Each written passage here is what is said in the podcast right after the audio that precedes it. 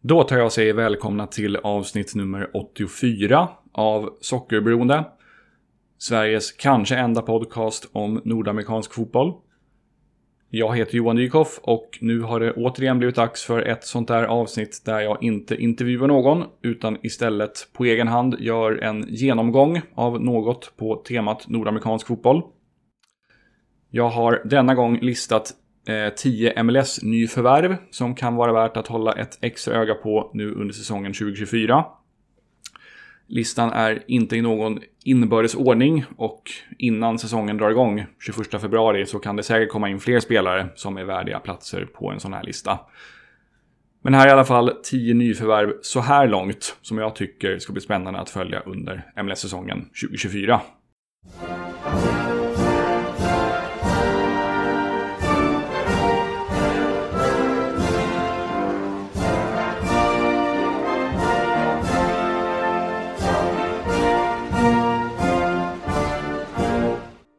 Vi börjar i Leo Messis Inter Miami. En ny bekantskap för Messi den här säsongen är tysk-amerikanen Julian Gressel som har anslutit på fri transfer från de regerande mästarna Columbus Crew. Gressel fyller precis 30, kan spela både högerback och högerytter och har en av ligans bästa högerfötter. Så han blir säkert ett bra tillskott till Miamis redan vassa offensiv. Gressel slog igenom i Atlanta United under deras första säsonger i MLS, men har de senaste säsongerna studsat runt ganska mycket mellan olika klubbar. Vi får se om sessionen i Miami blir en långvarig sådan. Ytterligare ett Miami-nyförvärv, men som inte blir en ny bekantskap för Messi, är förstås Luis Suarez. Den inte helt oproblematiske uruguayanen har sedan han lämnade Barcelona och tiden som lagkamrat med Messi Spelat för Atletico Madrid, Nacional hemma i Uruguay och nu senast brasilianska Gremio. Suarez fyller 37 bara någon dag efter publiceringen av det här avsnittet, så han är tveklöst inne på sluttampen av sin spelarkarriär. Men han har säkert en eller två säsonger med minst 10 mål i sig i MLS. New York Red Bulls har även de en ny offensiv stjärna och det handlar förstås om allas vår Emil Forsberg. Han har som bekant värvats till New York Red Bulls från systerklubben RB Leipzig, där han hade spelat ända sedan januari 2015.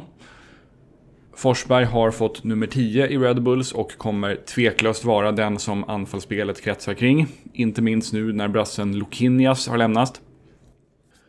Noterbart också att Forsberg är en av bara tre spelare i New York Red Bulls trupp som är över 30 år. Så han förväntas nog vara en framträdande och ledande figur i laget. Toronto FC kom sist i MLS förra säsongen och fick därför välja först i årets MLS Superdraft. Något överraskande valde de med sitt första val ytten Tyrese Spicer som kommer från Trinidad och Tobago och som spelade collegefotboll för Lipscomb University i Nashville, Tennessee. Som bekant har Toronto FC redan Lorenzo Insigne och Federico Bernadeschi i laget på just ytterpositionerna. Men eftersom de båda verkar tycka att tillvaron i Toronto är tämligen värdelös så går det inte att utesluta att någon av dem, eller till och med båda, snart lämnar klubben. Och då skulle Tyree Spicer kanske kunna ta en plats i startelvan. Colorado Rapids har varit oväntat aggressiva på transfermarknaden under vintern och ett av deras nyförvärv är den offensiva mittfältaren George Mihailovic. Mihailovic har hunnit bli 25 år gammal och återvänder till MLS efter en misslyckad tid i AZ i Eredivisie. Han har tidigare spelat för Chicago Fire och CF Montreal samt gjort ett tiotal A-landskamper för USA och kommer nu alltså till Colorado för att få fart på karriären igen.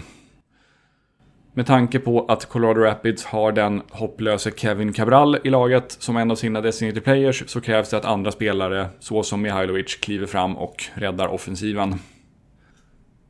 Vi ska nu avhandla två målvakter och vi börjar med Hugo Loris som efter drygt 11 år har lämnat Tottenham och flyttat till Los Angeles FC.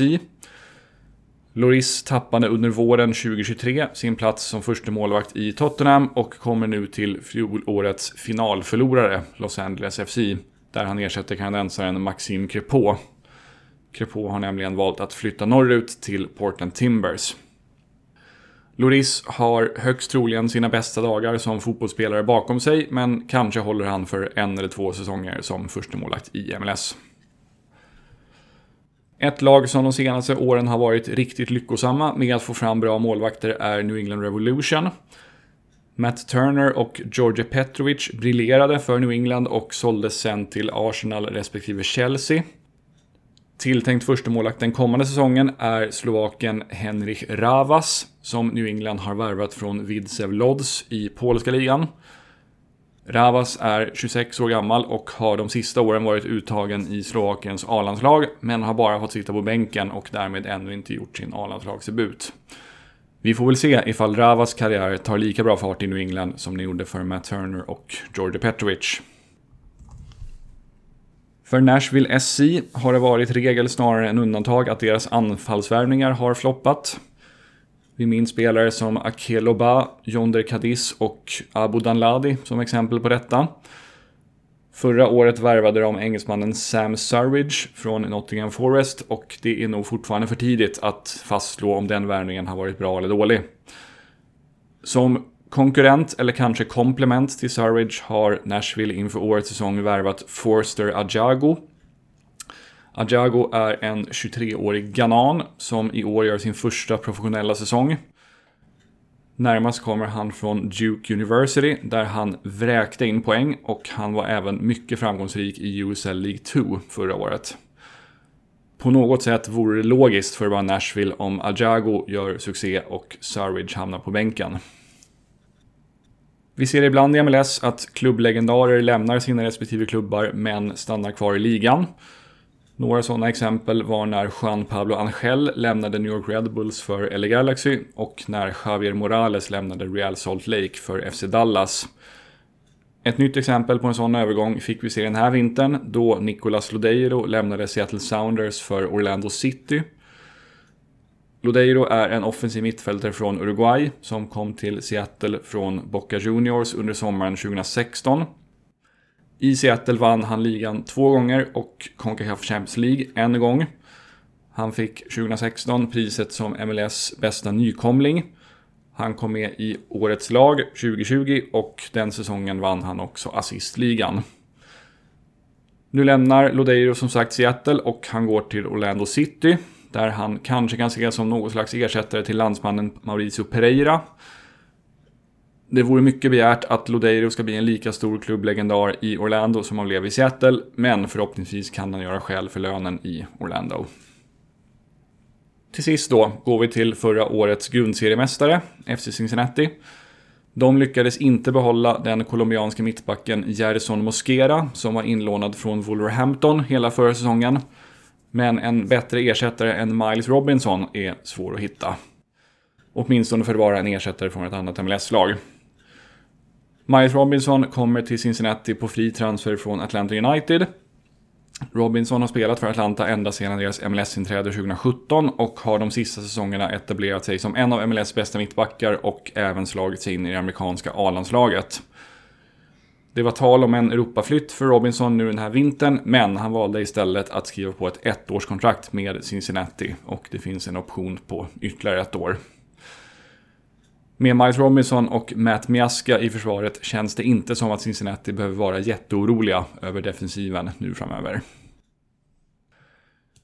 Det var den sista spelaren, så de tio spelare som jag listade här var alltså Julian Gressel, Inter Miami, Luis Suarez, Inter Miami, Emil Forsberg, New York Red Bulls, Tyrese Spicer, Toronto FC, Georgia Mihailovic, Colorado Rapids, Hugo Loris, Los Angeles FC, Henrik Ravas, New England Revolution, Forster Ajago, Nashville SC, Nicolas Lodeiro, Orlando City och Miles Robinson, FC Cincinnati. Det var den genomgången det. Eh, MLS-säsongen drar som sagt igång om ungefär en månad, så vi får se hur de här spelarna sköter sig i sina nya klubbar. Tack så mycket för att ni har lyssnat på det här avsnittet. Förhoppningsvis lyckas jag få till några nya intervjuavsnitt inom kort. Det har varit lite trögt, eller faktiskt väldigt trögt nu under januari, men jag kämpar på. Tack för nu. Ha det fint. Tja tja.